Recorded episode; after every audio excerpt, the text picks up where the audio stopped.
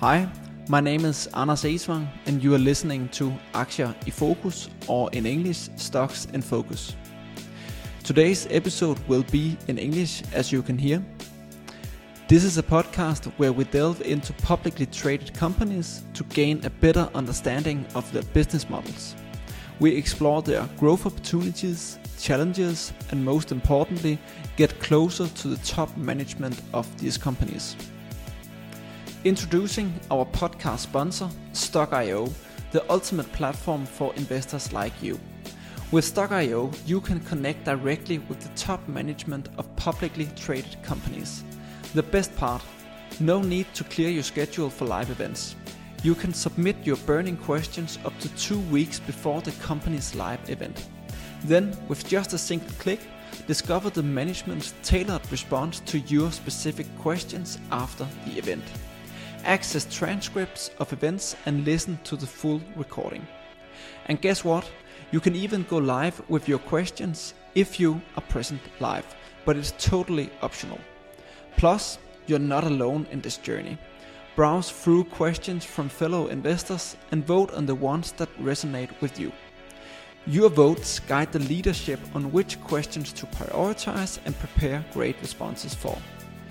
Don't miss out on this opportunity to engage with the companies you follow. Head over to stokk.io now to ask your questions or dive into the treasure trove of insights from previous investor questions.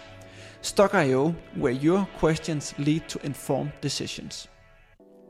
Today, we have been joined by Flemming Videriksen, who is the CEO of DecideAct. DecideAct went public in 2020 on Nasdaq First North.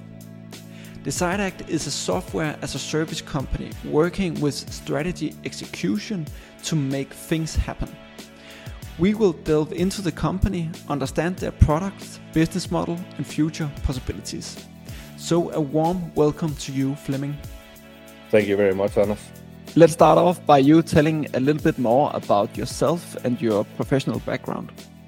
Well, I think I've spent the last 30 years plus, almost at least 30 years making things happening. And, and that means working as a strategic consultant, also working with communication and all that, but especially also cultural change, uh, which is part of strategy, of course, and been uh, a leadership advisor uh, internationally, well, you can say coach, sparring partner for for leaders, but all along that working with, with strategy, developing and, and executing strategies. And where have you uh, spent your your professional uh, career before you uh, decided to to begin with DecideAct? Well, I've, I've been part of different uh, consultancy set up, but but been an entrepreneur most of my life. So mostly been been been part of of establishing and owning it, and it was also out of a, a boutique consulting that that uh, we we created um, DecideAct uh, in 2014. And what was the core idea behind DecideAct?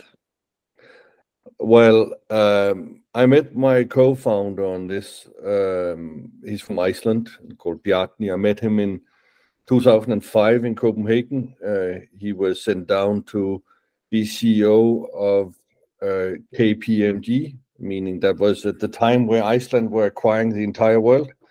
Um, and they bought KPMG Consulting, and uh, they bought also a company from me uh, and another partner at that time in 2006. And when that story didn't went too well for them, then then uh, he and I started to work together. But uh, outside of this, but although at that time we had the experience and many strategies others have created or we have created ourselves, was not really uh, realized. Um, and that means that the company didn't get any value out of it. So we started to work with what we call strategic accountability inspired of finance. We wanted strategy to be as uh, quantifiable, measurable, and transparent as finances. So, you know, if if, if people are familiar with uh, in, in finance a term accountability, then you know if you're accountable for a budget line, then it's you we're looking at, whether you are going over and under the target and and uh, we wanted the same way on strategy uh, because too many and, and most leaders will recognize that when, when you have to understand why your strategy, you'll invite for a meeting and then people start to explain, you know, we've done this and that and blah. Um, and uh, all good intentions, of course, but very often very little has happened. And what is it then exactly that DecideAct can help with today? What is the the product that you sell to customers today? You could you could say it's simple that we help to transform strategy into action. You could also say that DecideAct is an infrastructure for strategy. So that means it's out with old and in with new. Old means PowerPoints, spreadsheets, notes, meetings to understand where we are. New means it's digital. You can engage the entire organization. You can put strategic governance in place as well, and things are measurable. At any second, you can, you can click on a button and know where are you.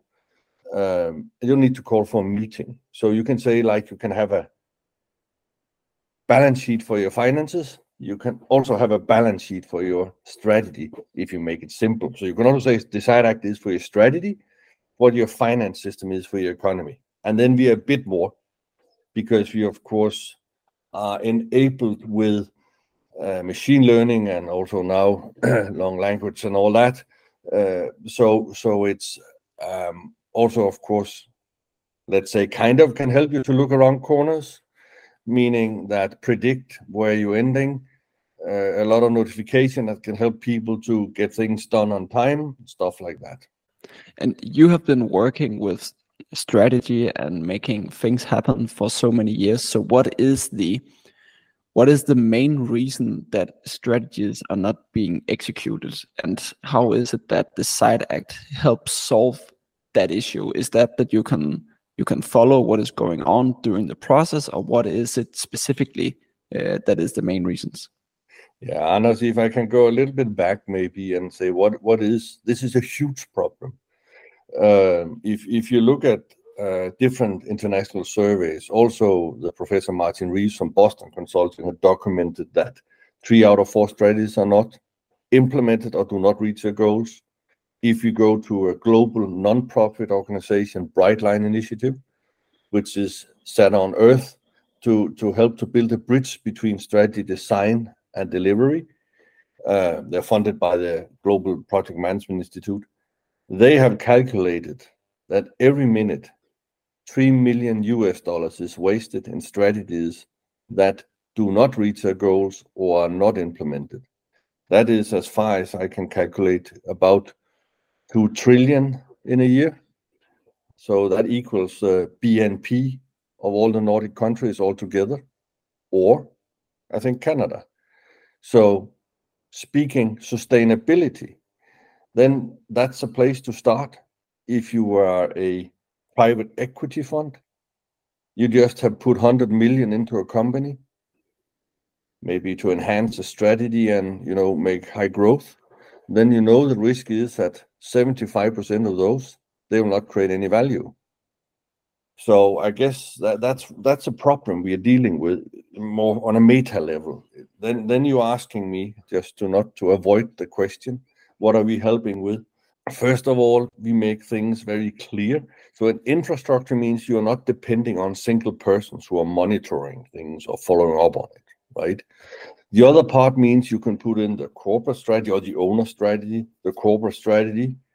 Then you can have either everybody attached to that strategy with different actions, priorities, KPIs, and all that, or you could have sub strategies which are connected to the overall strategy. So that means anyone at any level in the organization could be engaged in the strategy. And speaking about people's engagement in strategy, then then then global surveys show that 95% of all employees says i have no clue what my company strategy is about.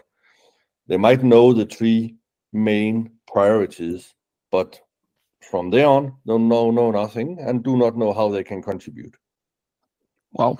Do you um, do you only sell software i mean the, DecideAct is a software as a as a service solution um, or do you also act as consultants and advisors for the companies that you work with no, yes, or what? How should I put that? DecideAct is, as I said, an infrastructure for strategy, and that means we are in a new industry, strategy execution management.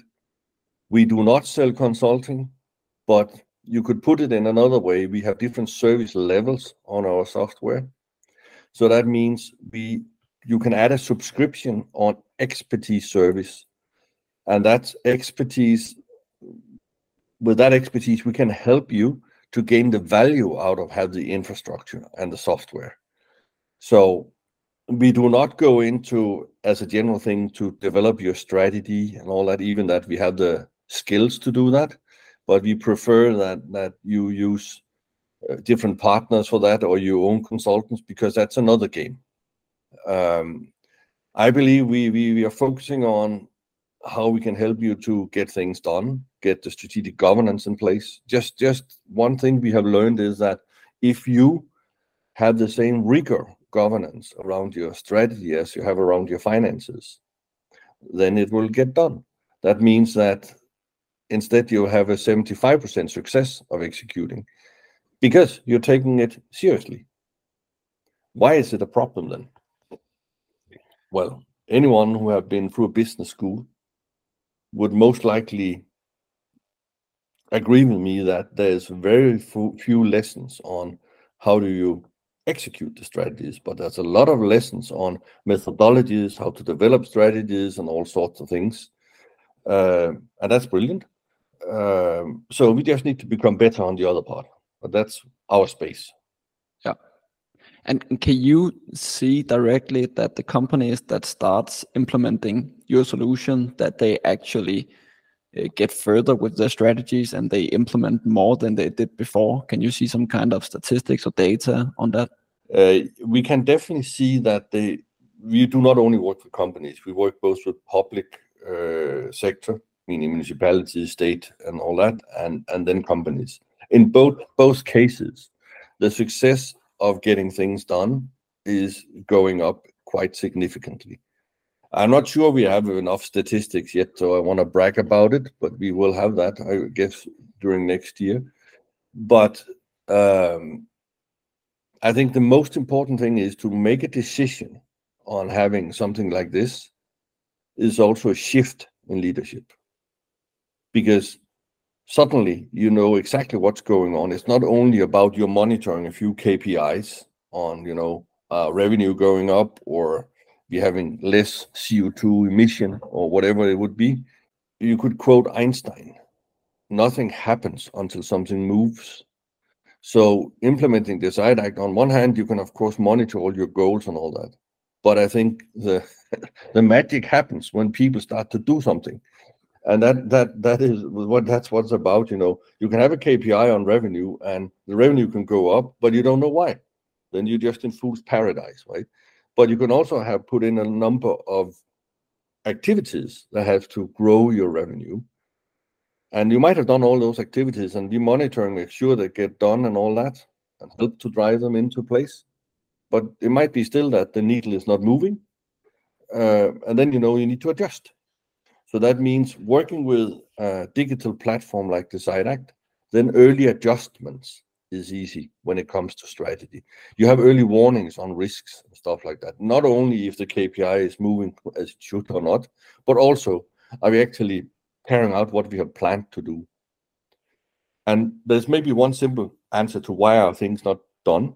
That is because what is urgent very often, almost always, precedence what's important.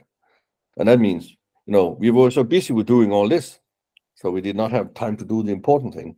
But suddenly, if you're monitoring it and you have a plan for it, you have yourself made yourself accountable for something, be part of defining it, then you like to deliver. That's how people are. So it just helps the delivery culture in an organization. So it changes the culture.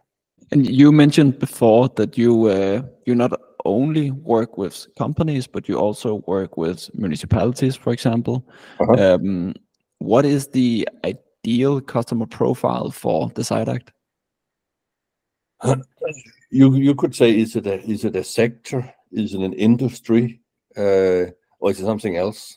Um, there are some industries they are more adaptive to it. But I would say the most important part is that the executives um, are mature when it comes to this.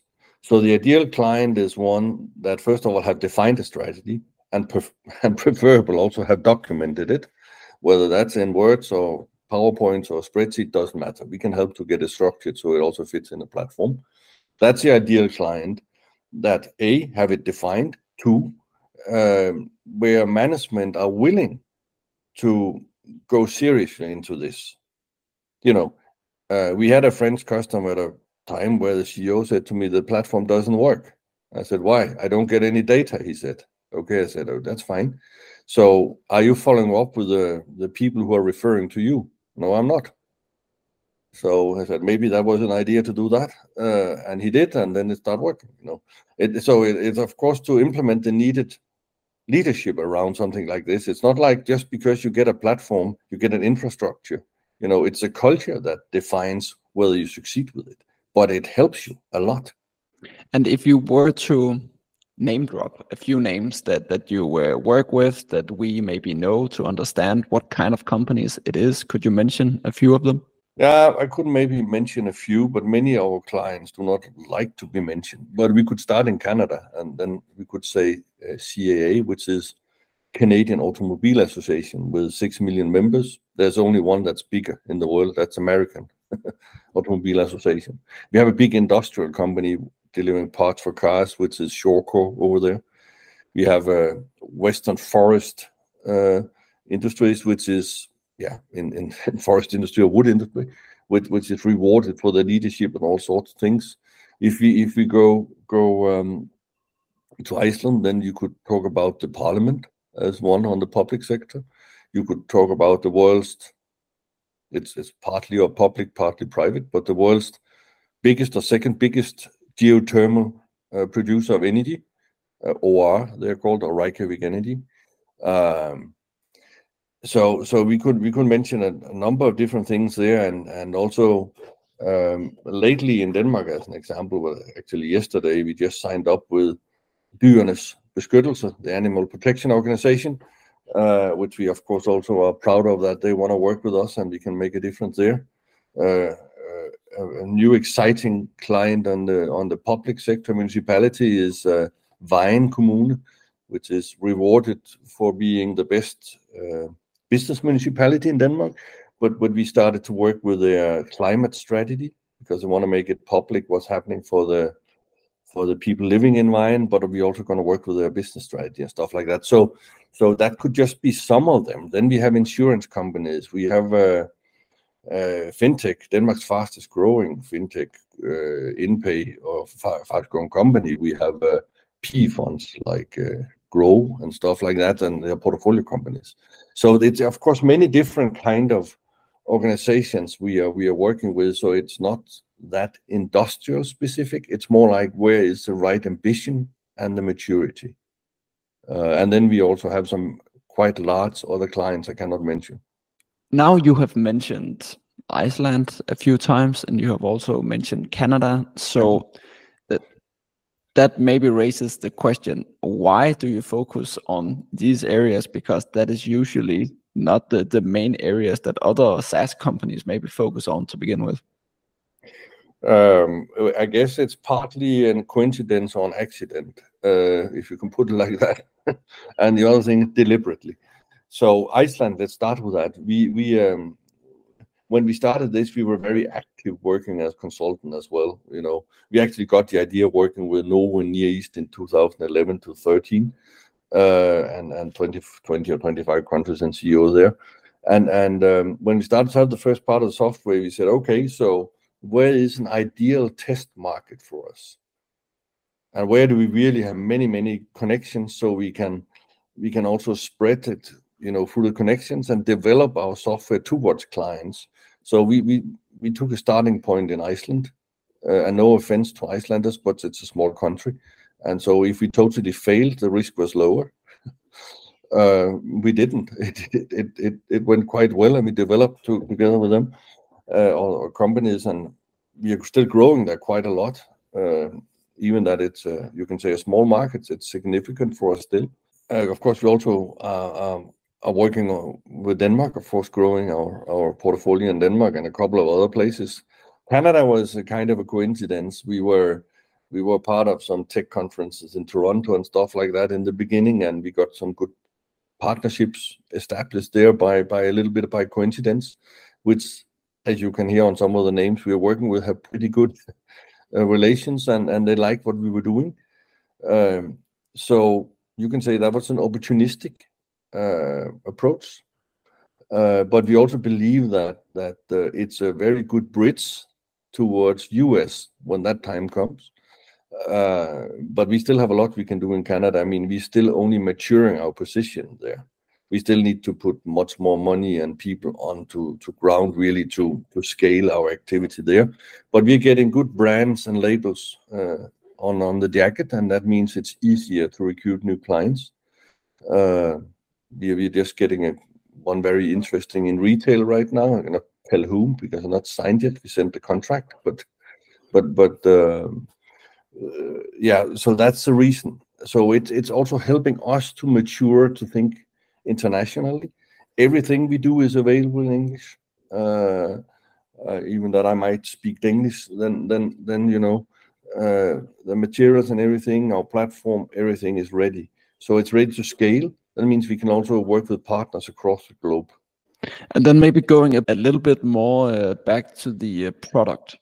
Is uh-huh. your product something that companies subscribe to for a short period while implementing a strategy, then churn and come back later? Or is it something that customers, they buy continuously to use for various strategies, big and small strategies? Yeah, it's long-term subscriptions. I do not think you can you can work short term with a strategy, then go in this and out and all that. That's not serious. But but um, no, so we do longer contracts, and and very often the initial contract period is three years. Not always, but depending on the the risk awareness in the organization. But you will need minimum a year to be good at this. I've also heard, I think you mentioned it, uh, before in in another event or something you did. You talked about something you called Fast Track for Strategy Execution. Yeah. Can you try to explain what that is? Yeah, we have a we have a four-step model, you could say, that we can tailor in different ways. Uh, but but it basically basically can help an executive committee who might have defined their strategy to revisit their priorities. Is it, you know, kind of... And the first part is to see what are all the hindrances really to succeed with implementing it. So you can say the first part, you you kind of define a strategy for your strategy. The second part, you can maybe revisit your goals and all that, you're aligned around them. So you basically, as the third step, can engage the entire organization, or at least the entire part of the organization you want to engage. So it's clearly what are you aligning against? Is it structured so it fits into the platform? Because what happens very often when they start to work with this, they become much more aware of what they have defined, much more aware of, you can say, become more professional. Uh, we we have had a big organization recently when come back and say, "Yeah, we had those 50 goals, now we have 23." Because we realized when we start to work like this, that a lot of them was not goals, they were just intentions. So it, so sometimes they need a little support to, to, you know, really get to the point. But then the third part is, okay, then then how do you have a rollout plan so you can engage the entire organization? That's so how do we get the benefit, right? that That's what it's all about. And the fourth part is then, uh, that's more the strategic governance and all that, you know, the monitoring, follow up on it. What are, you know, what kind of procedures do you need to do that? So it's it's tied in to succeed with the strategy execution. You just have to ask one question: Why a company making a strategy? That, of course, because it wants to have a new value creation somewhere. It could be growing the company, it could be optimizing existing operations and all that. So you define all that because you want to gain value, and and that's what we help with. That is, to help the companies to gain the value out of the strategy I've defined. Yeah. And then let's uh, let's move a little bit into some metrics about the company. Uh-huh. What does an average customer pay per year to use DecideAct? Uh, well, um, an average client uh, will be, well, the client size will be can differ quite a lot, but the average price for a yearly subscription is around 20,000 euros. A little bit above sometimes. Um, we don't think we have been below, actually, the last couple of years. Okay, perfect. And what is the lifetime value of your customers? Well, uh, we're a young company, so you can only anticipate, uh, but we expect a client to stay alive for 10 years. So then you can kind of calculate where it could be, and it will probably take the cost of it. Uh, acquisition cost would be the first years, maybe year and a half, um, subscription fee, depending on, it's going down, but depending on industry and stuff like that. So, eh, eh, I do not think it's the right time to take the average yet, because there's actually quite a big difference between industries and where we are, uh, what the costs are. Okay, perfect. So maybe you also answered the next questions here, but I can uh, just try to elaborate a little bit. So you mean that you expect a payback period to be between 1 and 1.5 year, and you uh, calculate a churn around 10%. Is that correct? Yeah. We we have we have said that we always expect a churn of 10%, and we have been between 5 and 9% uh, while we've been on the market, so that is satisfying. Um, growing faster probably also means a bit more churn, you know. Um, So it's it's also something that comes with with with growth and, and uh, of course, we want the churn to be as low as possible. But but you know, we also want to grow as much as possible. Um, and then those two things can sometimes, you know, they do not always correlate in in in a positive way. Um, because you might get clients into fast that are very, you know, excited and stuff like that, but they might not be mature. You know, um, our role is, of course, then through our customer success and other things, to make sure we always say we hold your hand till it works for you. But still, you know, the one we have to hold the hand has, you know, kind of need to want us to hold the hand, you know? You know, they need to take it seriously all the way. Yeah, that makes sense. And do you have an uh, uplift rate on your current client base? Yeah, we do. We do have good upsell on our on a client client base, yes. Actually, I cannot remember right now, but I think that that 40% of our growth last year was on existing clients. And how do you work with retaining your clients and uplifting their subscriptions? What is it that that drives this? Is it the number of users on the platform per company, or is it the number of strategies that they work with, or what uh, what drives the uplift? So so the retaining part is that that we have unlimited customer success and support to all our clients. Um, and that means we also have frequently, typically three times a year, status meetings. Where are they? You know, what works, what doesn't work. So We also get feedback on, you know, are there needs on the platform we need to serve, which we do not serve, uh, which which there are um, sometimes. And and uh, so that's one part of it. So we we try to be very close to them to understand where it is, and if, you know, because if they can also get resistance internally, uh, and they might need tricks and things, how to to keep, you know, uh, going forward and all that. So that's one part of it. Um, the upselling comes, um, I would say, by itself. Um, it could either be because, of course, they need to add some expertise package to help with that, you know, that part. But, um, I say it's mainly based on number of users. So that means the the the, the better they get this implemented, when when the executives, the management, and middle management are kind of happy with this, if it's a large organization, they can take the next level. So that means it's number of seats. In general, uh, we say you can have as many plans in DecideAct strategy as you like, but we also configure the platform to support the methodology you work with, or if you have configured it to to serve, let's say, climate strategies for municipality, then then there will, of course, be another um, configuration and upsell and and package if you need to to serve the entire um, uh, business strategy for municipality, which very often consists of maybe 30, 40 sub-strategies and stuff like that. Um, so that can be about, you know, that part, our number of users. So, so it's number of users mainly, and then some special features.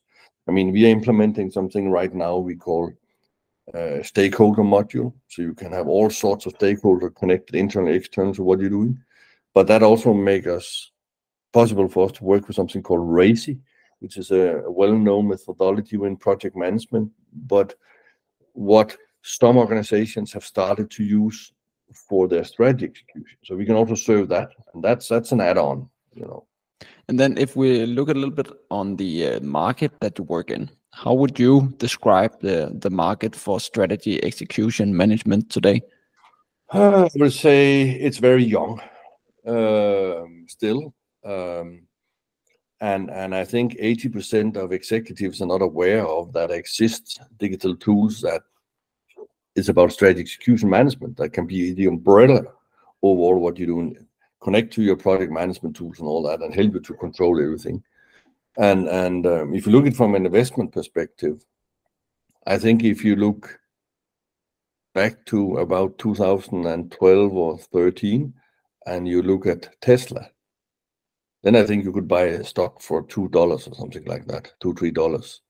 Uh, i guess now it costs around 200 dollars so if if you look at where we we could be in 10 years, that could probably be the same place. I think we have a very good technology. We are, working on having best product. Um, of course, we need to have some customer intimacy at this point of time to get more clients as well. Uh, but we're aiming to become a dominant player. That's what we want to be in certain markets, at least. Um, and and you can look at the same if you compare it with uh, Salesforce if you go back, uh, same same and number of years or a little bit longer than I think they were around, around five, six dollars. And they are also around 200, 200 today. So we are in a new industry like they were. You know, we are pioneers a little bit, but it, the industry is starting to mature. We can see that we get much more people who are coming to us now than two years ago. Um, so I mean, being part of the DecideAct and investing in the DecideAct is also a long-term investment. That is, you believe that there's a need here. Any organization, any company are somehow working with strategy, but they don't have any tools. And um, if we then look at some some key figures around your company, how large are you today, measured on the revenue and the ARR? Yeah, if you look at the ARR part, we are we are just around the 10 million, um, and and um, are aiming um, to break even in 2024. You could probably ask what should you then reach. I can just say with a with a current cost base, uh, then then a growth of around 45% in that period. That should do it if we keep the the cost level we have. But of course, more traction, more clients might need that we need to invest a bit more, you know, so we don't lose clients as we talked about before because we are not taking care of the new ones. So so but but that's the, the ball range we are in. If you look at the first two years on the market in average, I think we are growing around 40% per year, if you take it as an average, and and and uh, growing between 20 and 40% in average in the coming years is not bad. Of course, we could have ambitions about more, uh, but but aiming for break even and also to be totally in control of what we're doing, and then have take a new big step from there. And how is that revenue or ARR distributed across the different countries that you work in? Well, uh, we, I don't think we have published that before, so I don't think I'm, I should do that now either. Um, but um, the main main markets are the, the Nordic markets. And is your business seasonality driven, or is it evenly spread throughout the throughout the year when you get uh, new customers and so on? The seasonality would be that it, traditionally most sales in Q4 because companies are getting ready with the strategy for the following year. But that can then, some years it have had a tip over to the beginning of the new year because it did not really finish or took the decision and stuff like that or postponed it. But it's still Q4 that usually is a period, the last four months basically of the year. That's not only Q4, but September till December. That's usually our uh, the months where we get most contracts. But it, it differs a bit, you know. And currently, you are in the middle of uh, raising new capital. Yes. Um, you aim to raise up to 12 million Danish kroner. what will the funds be used for? Well, we have three main focus areas. We are securing in this round basically 17 million, I would think. We have got a convertible loan of five. We are aiming for 5 million in the market. And at this point of time, sorry, not 5 million market, 12 million in the market. Of the 12 million in the market, uh, already um, uh, a week ago, um, uh, almost 80% of those were secured, 77.5%. Um, so I would think that we have a good chance to reach the number we are going for. So so that's that's good.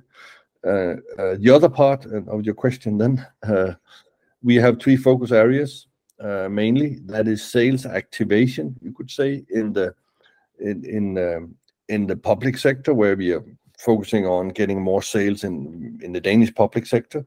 But in general, of course, sales activation in different private segments as well. So that's sales. So you can say all the almost all the proceeds of this round is for selling, you know, is to to grow sales. Then, of course, we have focus uh, on growing our capabilities within generative AI and stuff like that. Um, so so that will we also put a bit money after that. But again, how we can be better in competition, serve our clients better, so so make sales easier. Um, and then of course, growing our partnerships, which have started to to give us good number of clients. And we have quite many leads in our funnels from that. So we need to grow the right partnerships, uh, because we don't just want partners. We want partnerships where we fit in the value proposition of the partner. Do you expect it to be sufficient to take you to break even, or do you plan to to raise more capital before you you reach the break-even level? I think in this uh, period here, we have been very clear, uh, and communicated that what we already have secured before we have finished the round uh, in the market should be sufficient to bring us to to uh, break even. Um, of course, I cannot tell how the future will be. Um, if there's a new war a new uh, COVID and all that, which can can kind of stop us. But otherwise, I think with a quite lean, efficient setup of the organization, very focused on where we are selling getting into, let's say, PE funds as well, where we have good traction right now, uh, and other things, then we should, with the money we got, be able to break even. And then if we look a little bit into the future, maybe do you have a longer-term plan for revenue development and when you expect to reach break even? That was in 2024, but do you have some a longer perspective of the growth possibilities of the company? Uh, of course, we do have both ambitions and and perspectives. and and um, As as mentioned, we want to grow more in English-speaking markets, but you know we want to grow through partnerships. So I think it's it's it's more the question of doing more of what works.